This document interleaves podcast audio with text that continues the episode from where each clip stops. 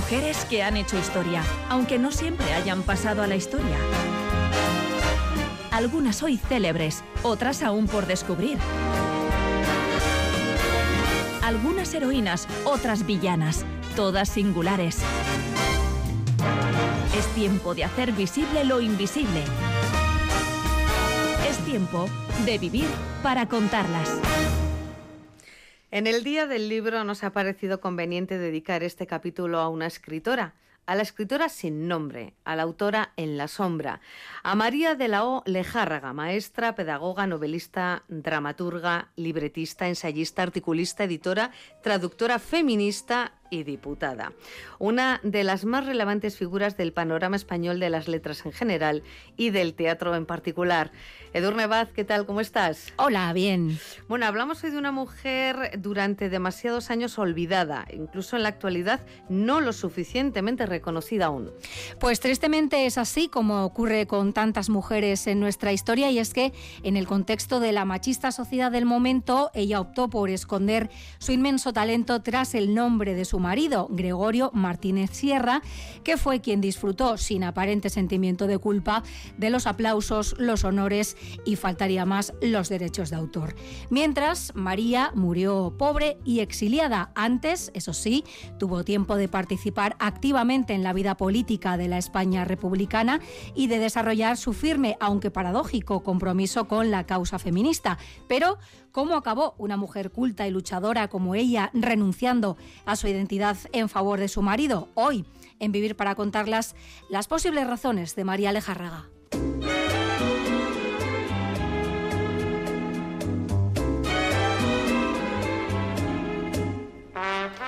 María de la Ole Járraga García nació en San Millán de la Cogolla en 1874.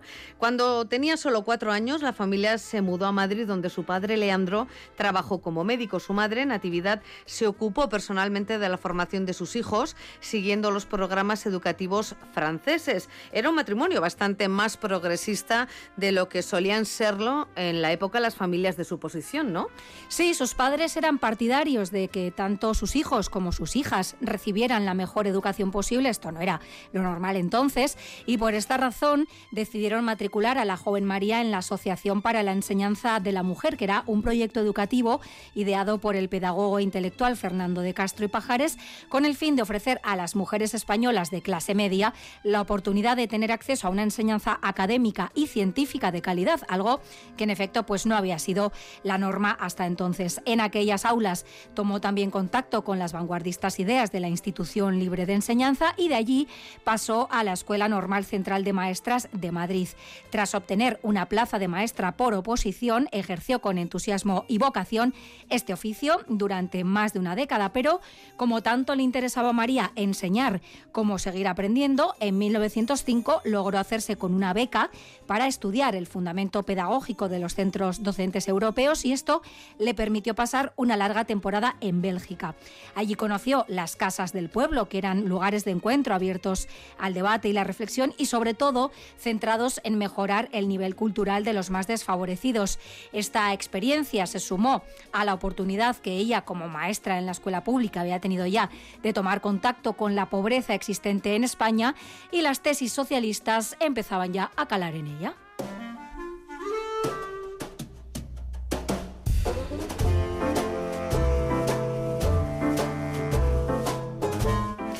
En 1899, María Lejarga publicó su primera obra, Cuentos breves, lecturas recreativas para niños, con la que inauguraba la colección Biblioteca Educativa que ella misma había creado en la Escuela Modelo de Madrid. Pero no se puede decir que su familia aplaudiera en exceso su iniciativa. En absoluto, porque por aquel entonces las mujeres literatas no estaban en absoluto bien vistas, eran, en el mejor de los casos, ignoradas y en el peor de los casos, menospreciadas. Aquella fue, de hecho, la primera y la última vez que ella firmó como María Lejarraga. Y es aquí donde entra en juego un elemento clave. Y lo del evento cobra además múltiples sentidos. Sí, un par de años antes, María había estrechado lazos de amistad con Gregorio Martínez Sierra, que era el hijo mayor de unos amigos de la familia. Ambos compartían su pasión por la literatura y por el teatro, de manera que empezaron a colaborar de forma activa. Pero, por las razones ya expuestas, decidieron que en sus creaciones conjuntas apareciera únicamente la firma de Gregorio. Fue entonces cuando una joven y enamorada María cayó en una trampa de la que, como veremos, ya no pudo escapar. Ella misma lo cuenta así en sus memorias. Casada, joven y feliz, acometióme ese orgullo de humildad que domina a toda mujer cuando quiere de verdad a un hombre puestos que nuestras obras son hijas de legítimo matrimonio, con el nombre del padre tienen honra bastante. Se casaron en 1900, cuando ya habían publicado varios títulos escritos, aunque no firmados, de forma conjunta, y a partir de ese momento toda su producción literaria y teatral apareció con el sello Gregorio Martínez Sierra, nombre que eligieron, digamos, como razón social, pero que no era sino el nombre de su marido, el hombre que a la postre se llevaría todo el mérito y con él, por supuesto, los derechos de autor.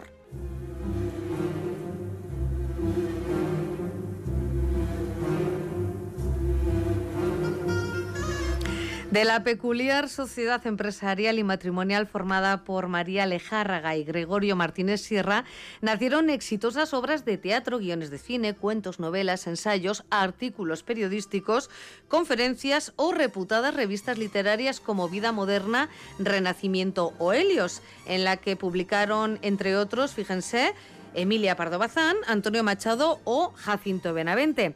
Aunque bueno, ya hemos apuntado gran parte de todo esto se bebió en realidad de la talentosa y ocultada pluma de María.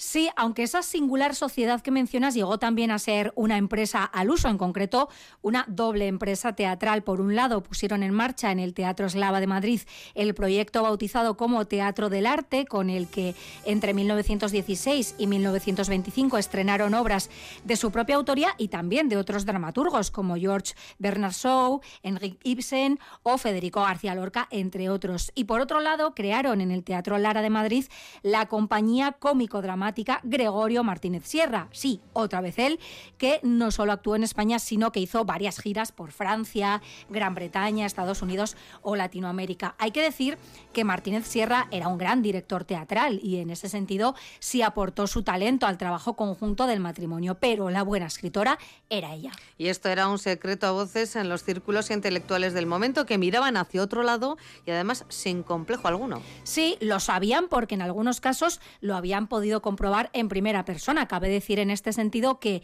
en el proceso creativo de sus más recordadas obras escénicas, María Lejárraga trabajó mano a mano con algunos de los más reputados dramaturgos y compositores de la época, con los que además forjó estrechas relaciones de amistad. Fue el caso, por ejemplo, de Santiago Rusiñol, Eduardo Marquina, Joaquín Turina o Manuel de Falla, con quien se encerró en un hotel durante todo un mes para dar forma a la emblemática obra El amor brujo. Imaginad lo que esto suponía en la época cuando hasta viajar en coche con un hombre que no fuera tu marido, padre o hermano, pues se consideraba una indecencia. Pues ahí estuvo María con Manuel de Falla en un hotel un mes trabajando en esto y al marido pues ni se le esperaba, ni, ni estaba, ni nada, ¿no? Tras sus primeras obras de teatro, La sombra del padre y El alma de la casa, El matrimonio, aunque en la práctica solo Gregorio alcanzó en 1911 un rotundo éxito con Canción de Cuna, que recibió el premio de la Real Academia Española como la mejor obra de la temporada teatral 1910-1911 y que se ha convertido además en todo un clásico.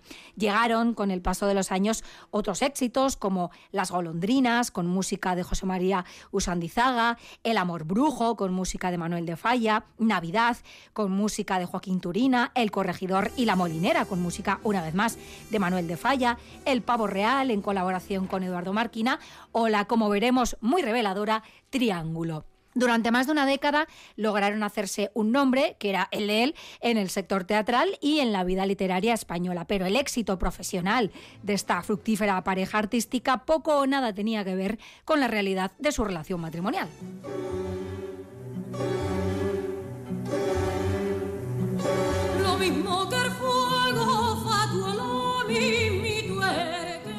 Gregorio Martínez Sierra se enamoró de la famosa actriz Catalina Bárcena, a la que dirigía en las obras de teatro que la propia María escribía. Se separaron en 1922, pero la separación no supuso el fin de su digámoslo amablemente, colaboración. Y la razón parece evidente. Al renunciar a su firma, perdió para siempre la oportunidad de recuperarla.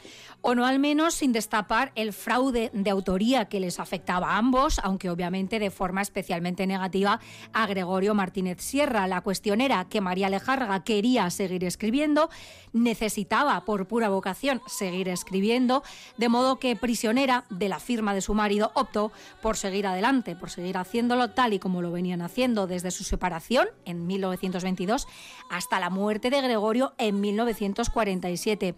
Aprovechó, también hay que decirlo, para colar entre líneas algunos dardos en varias de sus obras teatrales. No solo criticó la tradición matrimonial, sino que planteaba de forma nada casual triángulos amorosos. Una de ellas, de hecho, se tituló Sin como decíamos, Triángulo, lo cual resultaba especialmente morboso, dado que esas obras las interpretaba Catalina Bárcena, a la sazón amante de su marido, y las dirigía su propio marido. Fue por esta época cuando, por razones, creo yo, evidentes, se acentuó en María el activismo en favor de los derechos de las mujeres, lo que dio pie a otra paradójica situación, y es que sus reivindicativos escritos feministas aparecieron, una vez más, firmados por su marido.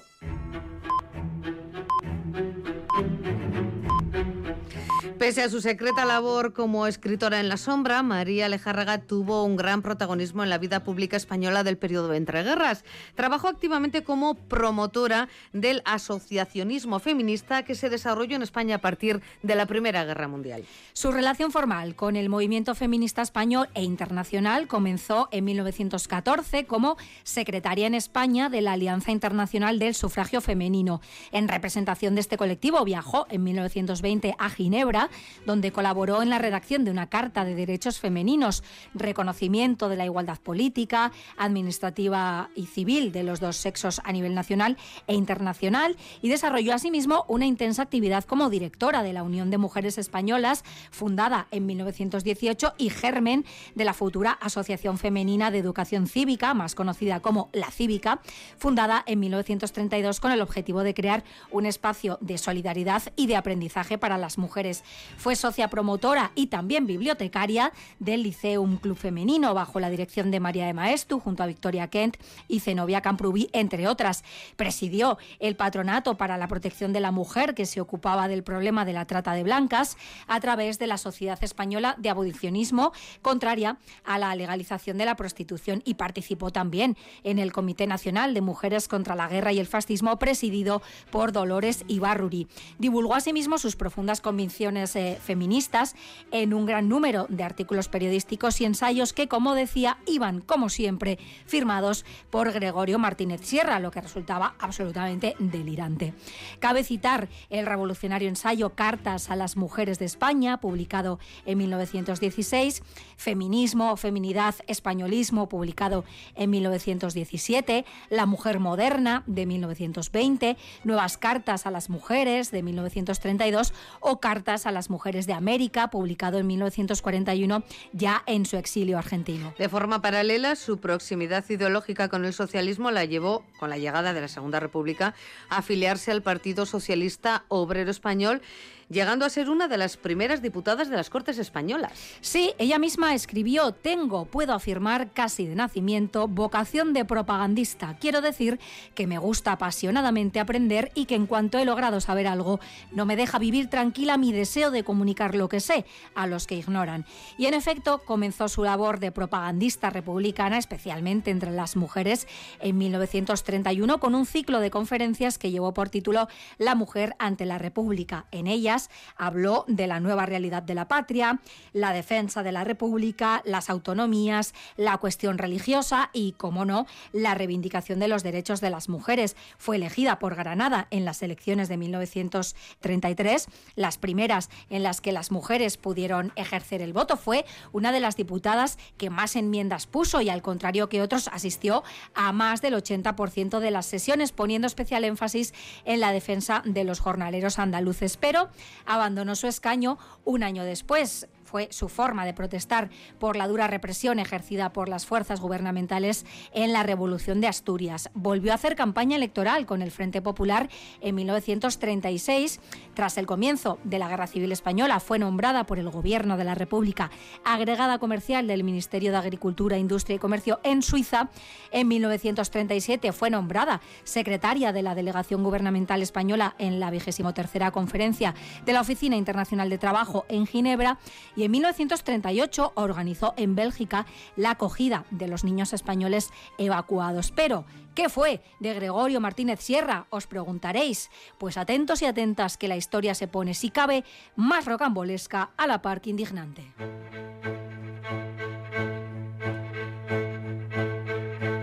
Como ya hemos apuntado, Gregorio Martínez Sierra se enamoró de la famosa actriz Catalina Bárcena, a la que dirigían las obras de teatro que la propia María Alejárraga escribía. Esto provocó la separación del matrimonio en 1922, aunque no, como hemos visto también, el fin de su forzosa colaboración profesional. En 1931, Gregorio se estableció con su amante en Hollywood y María decidió regresar a España, donde emprendió la comprometida labor política que ya hemos repasado. Pero en 1947, estando ella ya en el exilio, tuvo que hacer frente a otra complicada situación. Si quería seguir escribiendo, tenía que reivindicar la autoría de sus obras, porque de lo contrario, y dado que a efectos literarios eran la misma persona, muerto él ese mismo año, pues muerta también ella como autora. Reivindicó entonces la autoría de sus obras y los intelectuales del momento se rieron de ella y tacharon de absurda la idea de que un gran artista como Gregorio Martínez Sierra necesitara de una colaboradora. Recibió despiadados ataques desde España que se alimentaron sin ninguna duda de su pasado político. Los derechos que ostentaba Gregorio Martínez Sierra pasaron a manos de Katia, la hija que éste había tenido con la actriz Catalina Bárcena, y no contenta con negarle sus derechos, Katia, con el beneplácito, hay que decir, de la Sociedad General de Autores, jamás consintió que su nombre apareciese junto al de Gregorio en las posteriores reediciones de sus obras. Para entonces, María Alejarra vivía ya, como digo, en el exilio, con muy pocos recursos económicos, pero al menos ese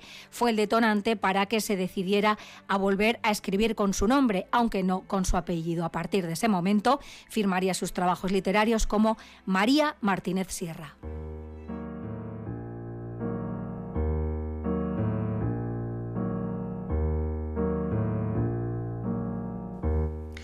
Al término de la Guerra Civil Española, María se vio empujada a un largo y a la postre definitivo exilio en Francia, México y Argentina, pudo volver a escribir en 1948, un año después de la muerte de su marido tras una complicada operación de cataratas. Pertenecen a aquellos años obras autobiográficas como Una mujer por los caminos de España, recuerdos de propagandista, que publicó en 1952, el nostálgico Viajes de una gota de agua de 1954 o sus memorias tituladas Gregorio y yo, medio siglo de colaboración, en las que por cierto da cuenta de un documento firmado en 1930 por Gregorio Martínez Sierra en presencia de testigos, en el que éste declaraba que las obras eran compartidas a los efectos legales.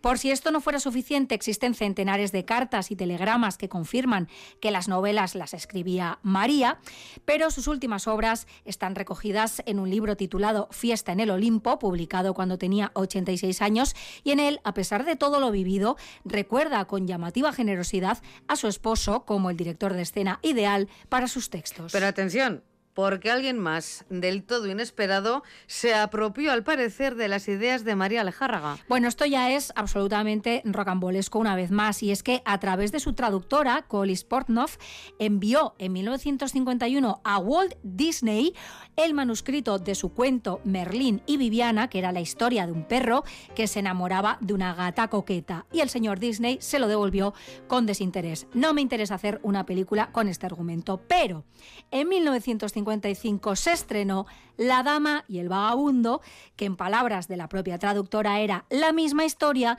sin más cambio que haber convertido a la gata en una perra elegante. hasta el final de sus días. María Alejárraga siguió trabajando, se ganó la vida como traductora, conferenciante y colaboradora en diarios, revistas y radios y murió en 1974 en Buenos Aires en su exilio definitivo, seis meses antes de cumplir los 100 años.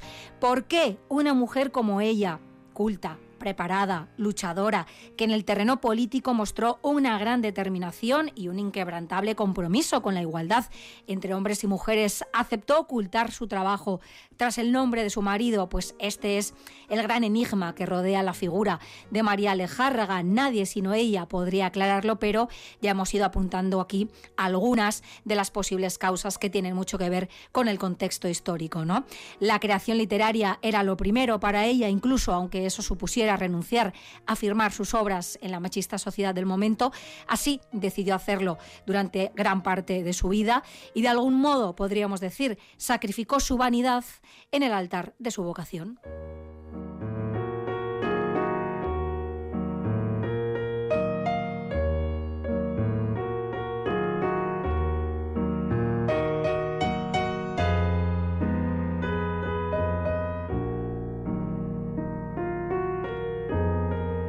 Edurne Baza, apasionante la vida de María Lejárraga, que no es, eh, por desgracia, a lo largo de la historia, la única mujer que hacía las cosas de tapadillo para que los honores se los llevara el hombre de la casa, en este caso su marido. Sí, mujeres que han trabajado a la sombra y han firmado sus trabajos con los nombres de ellos, o mujeres que hacían su propio trabajo, pero la historia las ha relegado a compañera de o musade, ¿no? Bueno, pues otro clásico. Esa es la gran suerte que tenemos en Déjate llevar, tenerte a ti aquí para sacar del ostracismo a tantas y tantas mujeres maravillosas, inteligentes, cultas, trabajadoras y talentosas que la historia se encargó de meter en un baúl lleno de polvo, de cerrarlo con llave, pero bueno, Edurne Vaz cada semana abre ese baúl, lo desempolva y siempre nos trae una historia maravillosa hoy de María de la O.